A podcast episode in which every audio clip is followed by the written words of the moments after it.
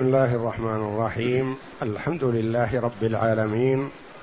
والصلاة والسلام على نبينا محمد وعلى آله وصحبه أجمعين. وبعد صلى الله. أعوذ بالله من الشيطان الرجيم. بسم الله الرحمن الرحيم. يا أيها الذين آمنوا لا يحل لكم أن ترثوا النساء كرها. ولا تعضلوهن لتذهبوا ببعض ما آتيتموهن إلا أن يأتين بفاحشة مبينة وعاشروهن بالمعروف فإن كرهتموهن فعسى أن تكرهوا شيئا ويجعل الله فيه خيرا كثيرا. حسبك. هذه الآية الكريمة من سورة النساء.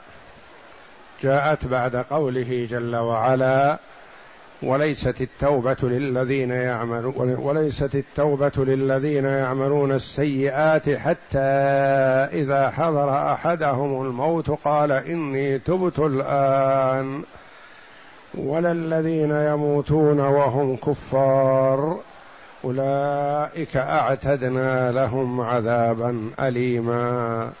يا أيها الذين آمنوا لا يحل لكم أن ترثوا النساء كرها ولا تعضلوهن لتذهبوا ببعض ما آتيتموهن الآية. يا أيها الذين آمنوا خطاب من الله جل وعلا لعباده المؤمنين بصفة الإيمان. يقول عبد الله بن مسعود رضي الله عنه إذا سمعت الله يقول يا أيها الذين آمنوا فأرعها سمعك فإنه إما خير تؤمر به أو شر تنهى عنه. يا أيها الذين آمنوا لا يحل لكم أن ترثوا النساء كرها. يتضح معنى الآية بمعرفة سبب النزول. كما قال البخاري رحمه الله وغيره. عن ابن عباس رضي الله عنهما قال كانوا إذا مات الرجل كان أولياؤه أحق بامرأته. إن شاء بعضهم تزوجها وإن شاءوا زوجوها وإن شاءوا لم يزوجوها.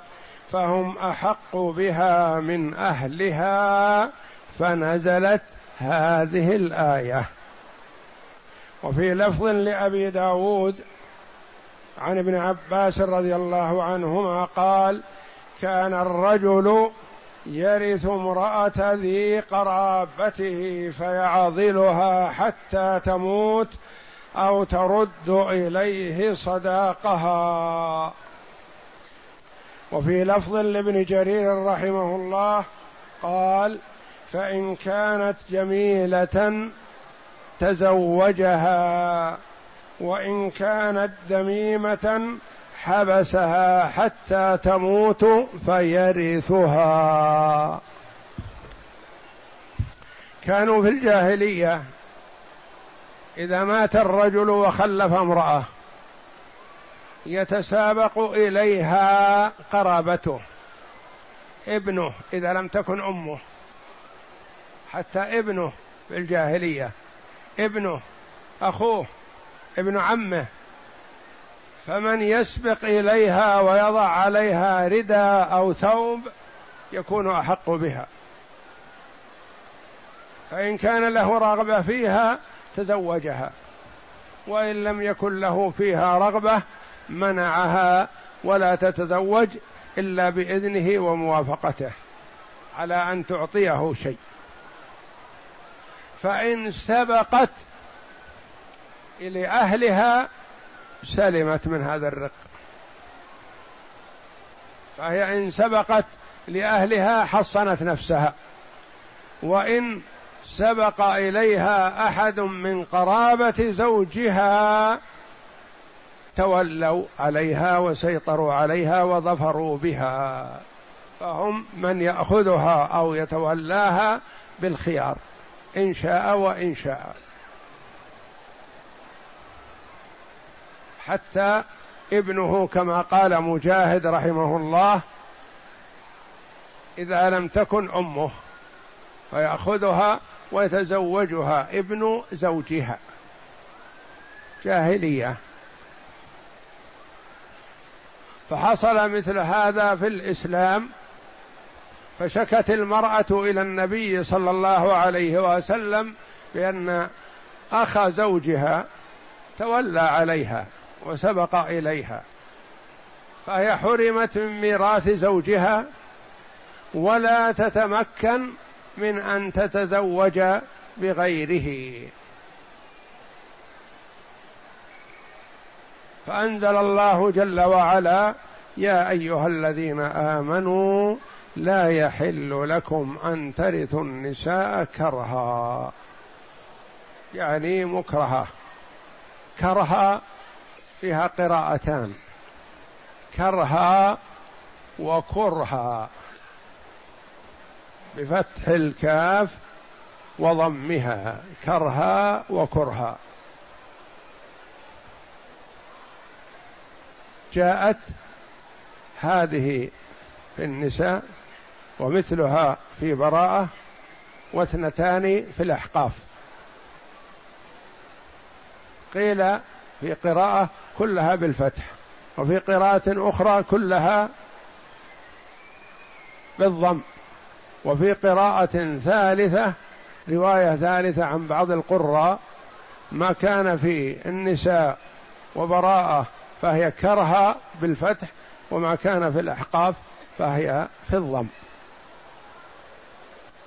يعني مكرهة يعني تأخذونها وترثونها كرها يعني غصبا عليها.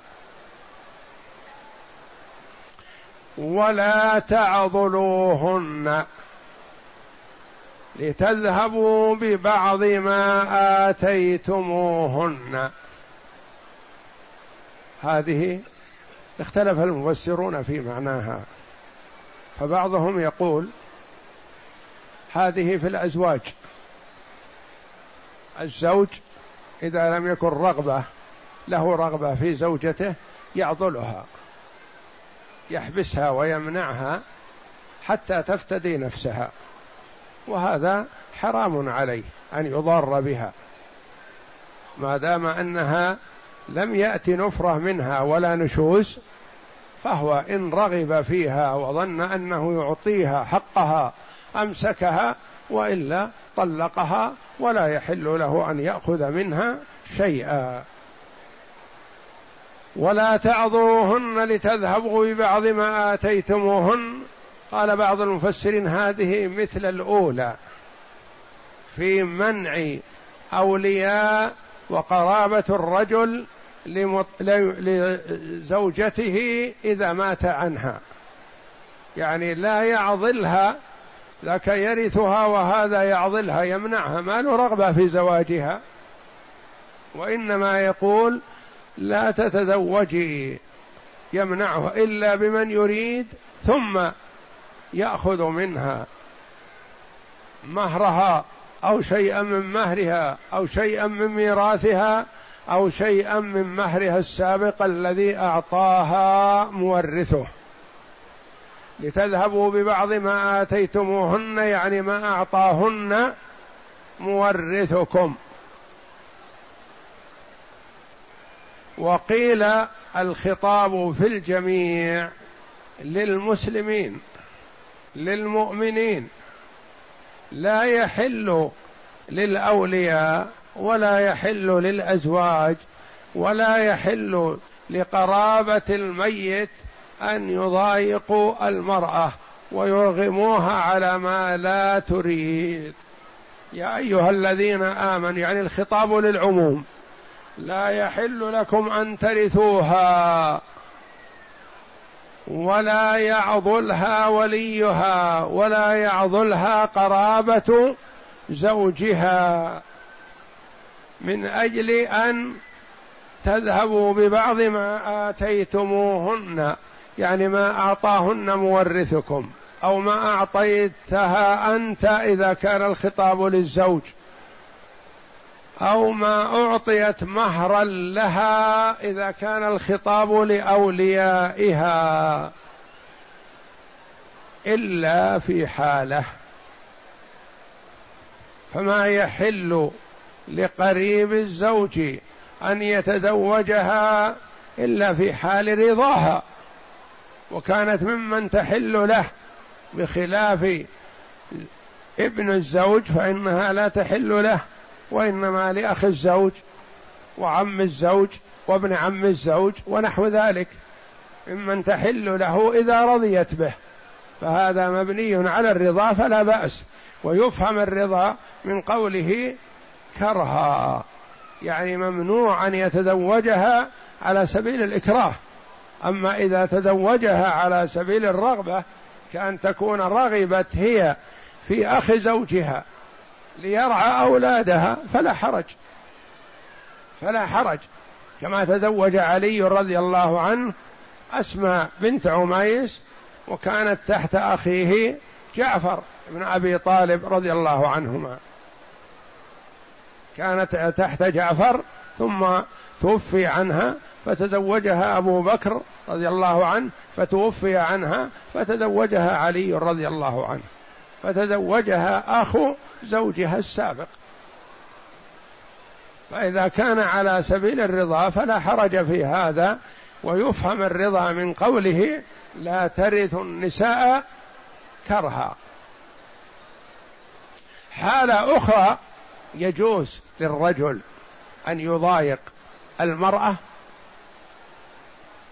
لأجل أن تفتدي نفسها وهي ما إذا أتت بفاحشة مبينة. إلا أن ياتين بفاحشة مبينة. ما هذه الفاحشة؟ قولان للعلماء رحمهم الله. يقول الفاحشة الزنا.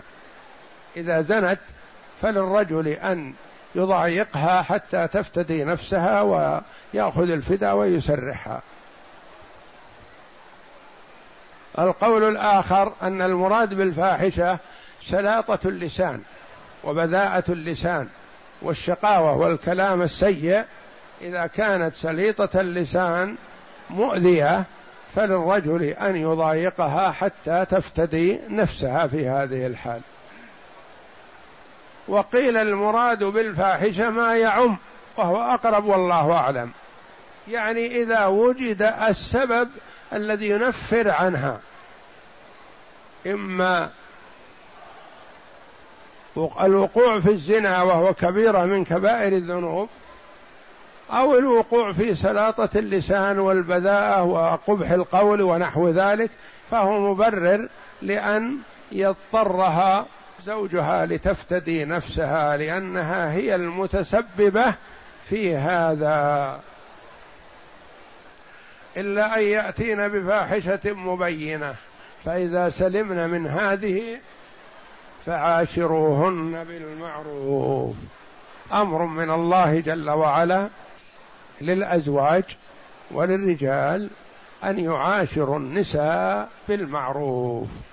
والله جل وعلا حكيم عليم.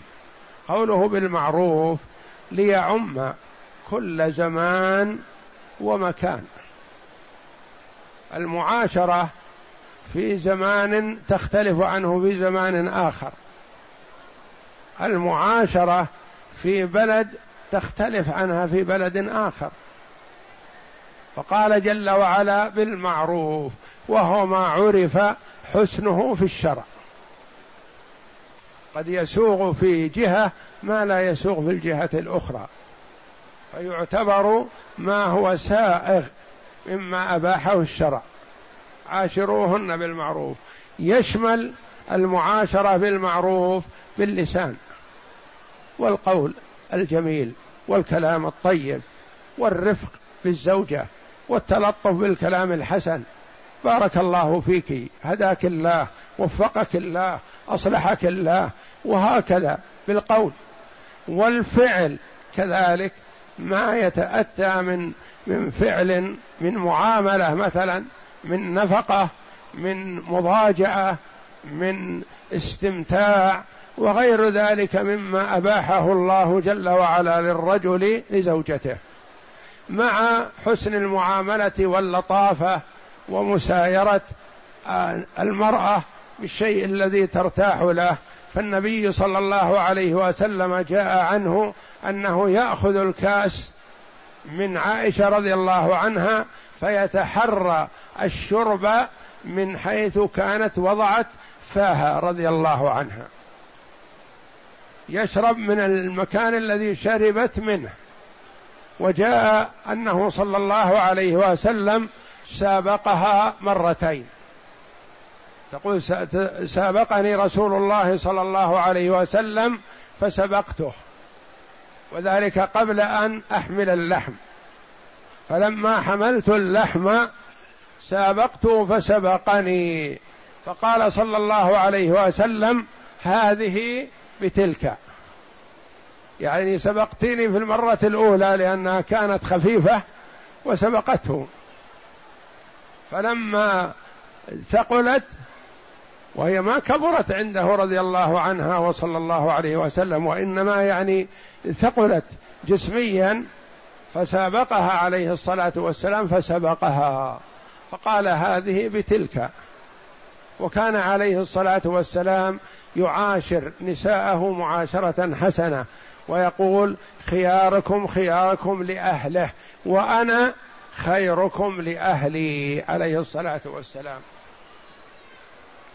وكثيرا ما يجمعهن في الليلة الواحدة يجلسن معه بعد صلاة العشاء ويتعشين معه ثم يتفرقن إلى بيوتهن رضي الله عنهن فكان عليه الصلاة والسلام يتلطف بهن ويعاملهن المعاملة الحسنة وربما باشر الواحدة منهن وهي حائض تطيبا لخاطرها من غير أن يمس الفرج وما حوله. تقول عائشة رضي الله عنها كان رسول الله صلى الله عليه وسلم يأمرني فأتزر ولزار من السرة إلى الركبة فأتزر فيباشرني وأنا حائض.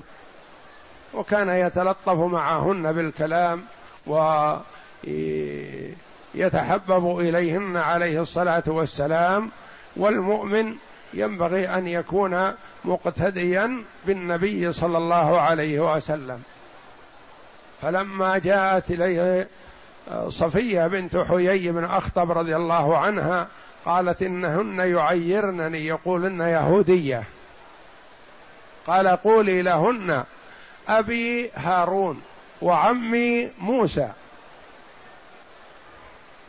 يعني كونها يهودية أو من أصل يهودي ما ينقصها ولا يضيرها. إنما أكرمكم عند الله أتقاكم وهي أم المؤمنين رضي الله عنها.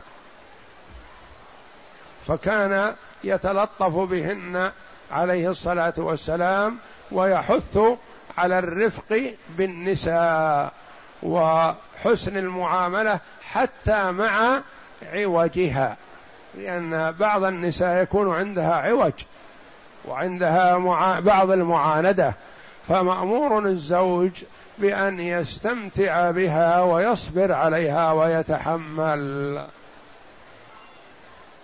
وعاشروهن بالمعروف يعني بالشيء المعروف الذي عرف حسنه شرعا. ما حدده بكذا أو كذا جل وعلا. فإن كرهتموهن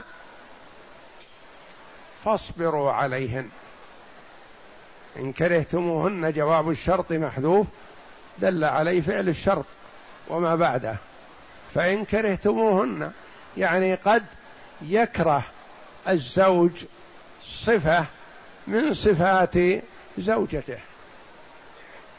لكن ما ينبغي له عند وجود أي سبب من أسباب الكراهة أن يفارقها أو يتهجم عليها أو يسبها أو يذمها بهذه الصفة التي لا ليست من صنعها.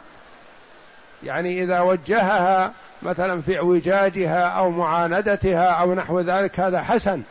لكن في شيء من خلقها مثلا يعيرها بشيء من خلقها لا يليق لأن هذا ليس من فعلها ولا تلام عليه وهذا من فعل الله جل وعلا. فعليه أن يصبر ما دام أن للصبر مجال لا يستعجل. لأن بعض الرجال ينتقد على المرأة بعض الانتقاد في أول الأمر أو يكرهها لسبب من الأسباب فإذا بهذه الحال تزول ويحل محلها الوفاق والمحبة والمودة بإذن الله. إذا احتسب كل واحد منهما الصبر كما جاء عن بعض السلف أنه كان ذميم الخلقة هو وهي جميلة الخلقة. فيقول لها أنا وأنت إن شاء الله في الجنة. قال ولم قالت ولم ما الذي دلك؟ قال أنت بليت بي فصبرت فأنت من أهل الجنة. والله جل وعلا وعد الصابرين الثواب الجزيل. وأنا ابتليت بك فشكرت. والشاكرون وعدهم الله الجنة. وهكذا يتحبب إليها وحتى لو كان فيه شيء أو فيه عيب أو كذا يتلطف بها وإن كان فيها هي العيب كذلك فلا يعيرها به.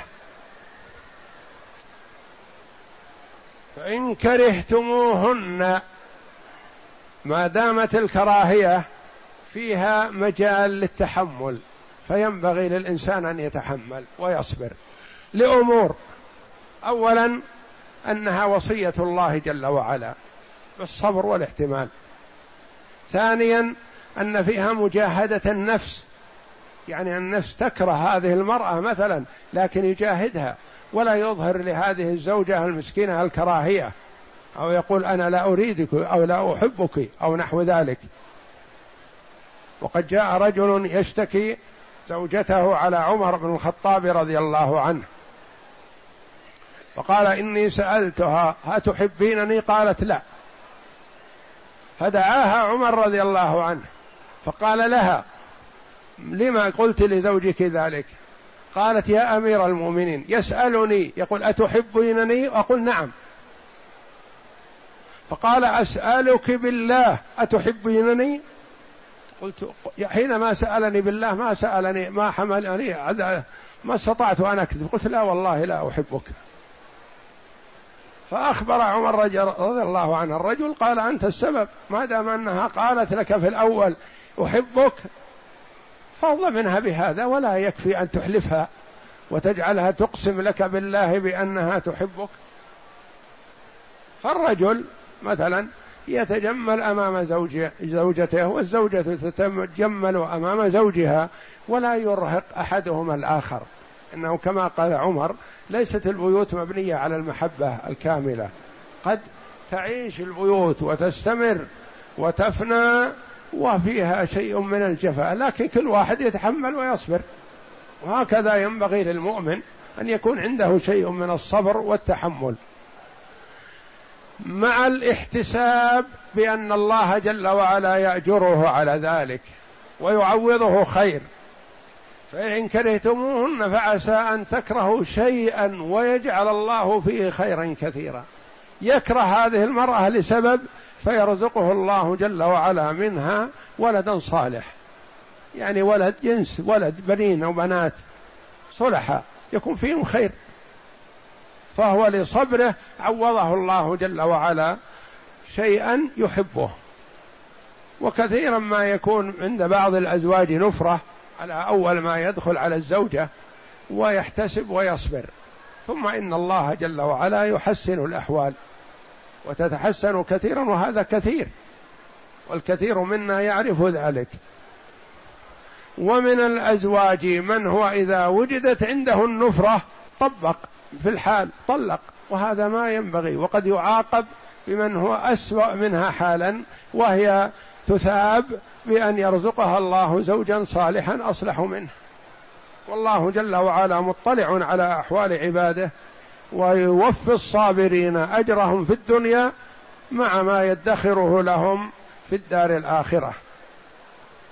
فإن كرهتموهن فاصبروا. فعسى أن تكرهوا شيئا ويجعل الله فيه خيرا كثيرا. كثير. يجعل الله فيه خير كثير. خدمة وعناية من المرأة. ربما أنك تحتاج إليها لمرض أو نحوه فتحتاج إليها فتساعدك فتكون خير عون لك. يرزقك الله منها. أولادا صالحين يكونون ينفعونك في الدنيا بالبر والإحسان والعمل. وينفعونك في الدار الآخرة بالأعمال الصالحة. إذا مات ابن آدم انقطع عمله إلا من ثلاث صدقة جارية أو علم ينتفع به أو ولد صالح يدعو له. ويقول عليه الصلاة والسلام لا يفرك مؤمن مؤمنة. إن كره منها خلقا رضي آخر. ما دامت مؤمنة تشهد أن لا إله إلا الله وأن محمد رسول الله وتصلي وتصوم وقائمة بحق الله وحق الزوج فما ينبغي للرجل أن يكرهها لكذا أو كذا لأمر من الأمور الأخرى. أما إذا كانت فاسقة أو فاجرة فهو آثم في بقائها في عصمته إذا كان يخاف منها بأن تغشه في ولده ونحو ذلك. وأما إذا كان مجرد كلام وهو آمن وواثق من ديانتها وعرضها فصبره عليها يؤجر عليه. لأن الصبر أنواع. يصبر عليها وهي فاسقة فاجرة. هذا غير مأجور ولا يجوز له ذلك. أما إذا صبر عليها وهي حصينة محصنة من حيث نفسها لكن عندها خلق شراسة أو نحو ذلك ولا يشك فيها في عرضها فصبره عليها يؤجر به. فإن كرهتموهن فعسى أن تكرهوا شيئا ويجعل الله فيه خيرا كثيرا.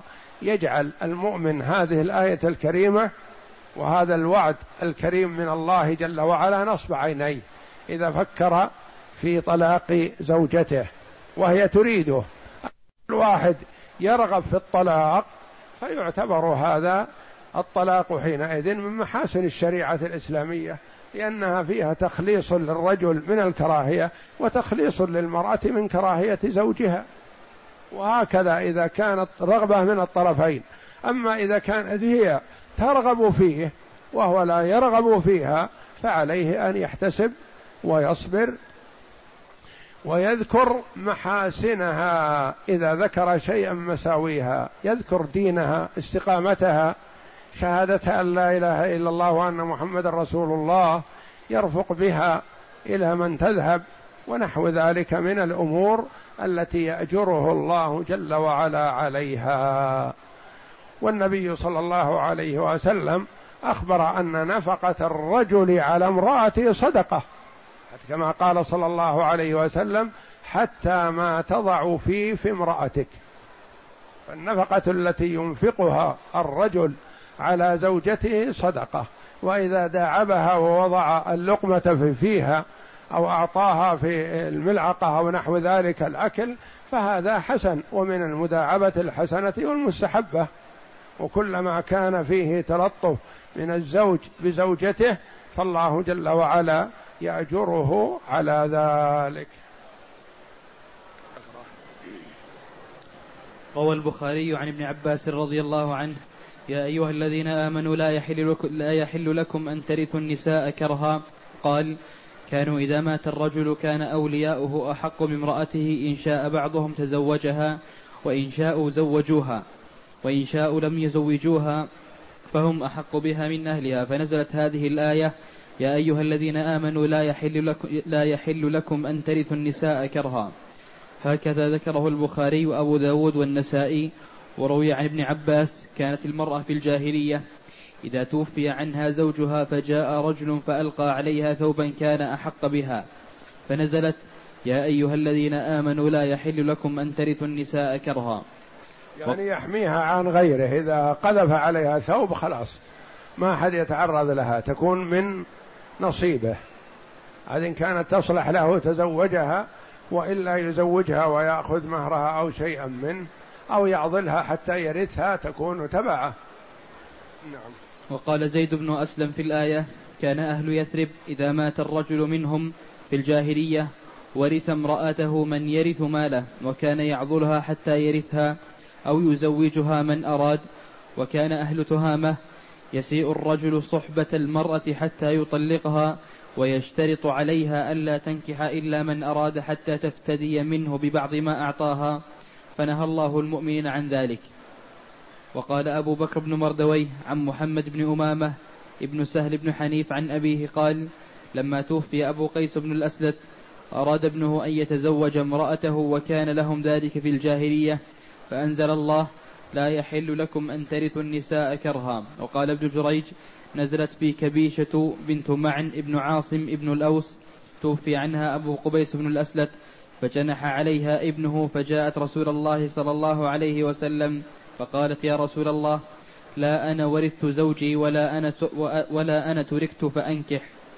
فأنزل الله هذه الآية فالآية تعم ما كان يفعله أهل الجاهلية وكل ما كان فيه نوع من ذلك والله أعلم. وقوله ولا تعضلوهن لتذهبوا ببعض ما آتيتموهن أي لا تضاروهن في العشرة لتترك العضل هو المنع. نعم. لتترك لك ما أصدقتها أو بعضه أو حقا من حقوقها عليك أو شيئا من ذلك على وجه القهر لها والإضرار. وقال ابن عباس في قوله ولا تعذروهن يقول لا ولا تقهروهن. لتذهبوا ببعض ما آتيتموهن. يعني الرجل تكون له المرأة وهو كاره لصحبتها وله عليها مهر فيضرها لتفتدي به. وكذا قال الضحاك وقتاده وغير واحد. واختاره ابن جرير. وقال ابن المبارك عن ابن السلماني قال نزلت هاتان الآيتان إحداهما في أمر الجاهلية والأخرى في أمر الإسلام. يعني قوله تعالى لا يحل لكم أن ترثوا النساء كرها في الجاهلية. ولا تعضلوهن في الإسلام وقوله إلا أن يأتين بفاحشة مبينة. قال ابن مسعود وابن عباس يعني بذلك الزنا. يعني إذا زنت فلك أن تسترجع منها الصداقة التي أعطيتها وتضاجرها حتى تتركه لك وتخالعها كما قال تعالى ولا يحل لكم أن تأخذوا مما آتيتموهن شيئا إلا أن يخاف ألا يقيما حدود الله. الآية. وقال ابن عباس وعكرمة والضحاك الفاحشة المبينة النشوز والعصيان. واختار ابن جرير أنه يعم ذلك كله الزنا والعصيان والنشوز وبذاء اللسان وغير ذلك. يعني, يعني أي فعل مشيء صدر منها بفعلها واختيارها. نعم. يعني أن هذا كله يبيح مضاجرتها حتى تبرئه من حقها أو بعضه ويفارقها. وهذا جيد والله أعلم. وهذا يقتضي أن يكون السياق كله كان في أمر الجاهلية ولكن نهي المسلمون عن فعله في الإسلام. وقال عبد الرحمن بن زيد كان العضل في قريش بمكة ينكح الرجل المرأة الشريفة فلعلها لا توافقه فيفارقها على أن لا تتزوج إلا بإذنه. فيأتي بالشهود فيكتب ذلك عليها ويشهد فإذا جاء الخاطب فإن أعطته وأرضته أذن لها وإلا عضلها. قال فهذا قوله ولا تعضلوهن لتذهبوا ببعض ما آتيتموهن. الآية. وقال مجاهد في قوله ولا تعضلوهن لتذهبوا ببعض ما آتيتموهن هو كالعضل في سورة البقرة. وقوله تعالى وعاشروهن بالمعروف.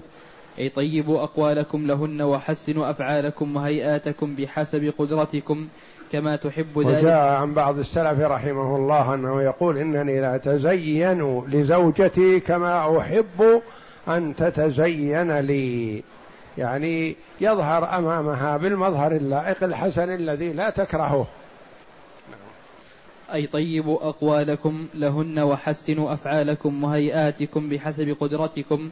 كما تحب ذلك منها فافعل أنت بها مثله كما قال تعالى ولهن مثل الذي عليهن بالمعروف وقال رسول الله صلى الله عليه وسلم خيركم خيركم لأهله وأنا خيركم لأهلي وكان من أخلاقه صلى الله عليه وسلم أنه جميل العشرة دائم البشر يداعب أهله ويتلطف بهم ويوسعهم نفقته ويضاحك نساءه حتى إنه كان يسابق عائشة أم المؤمنين رضي الله عنها يتودد إليها بذلك. قالت سابقني رسول الله صلى الله عليه وسلم فسبقته وذلك قبل أن أحمل اللحم ثم سابقته بعدما حملت اللحم فسبقني فقال هذه بتلك. ويجمع نساءه كل ليلة في بيت التي يبيت عندها رسول الله صلى الله عليه وسلم فيأكل معهن العشاء في بعض الأحيان ثم تنصرف كل واحدة إلى منزلها وكان ينام مع المرأة من نسائه في شعار واحد يضع على كتفيه الرداء وينام بالإزار وكان إذا صلى العشاء يدخل منزله يسمر مع أهله قليلا قبل أن ينام يؤانسهم بذلك صلى الله عليه وسلم.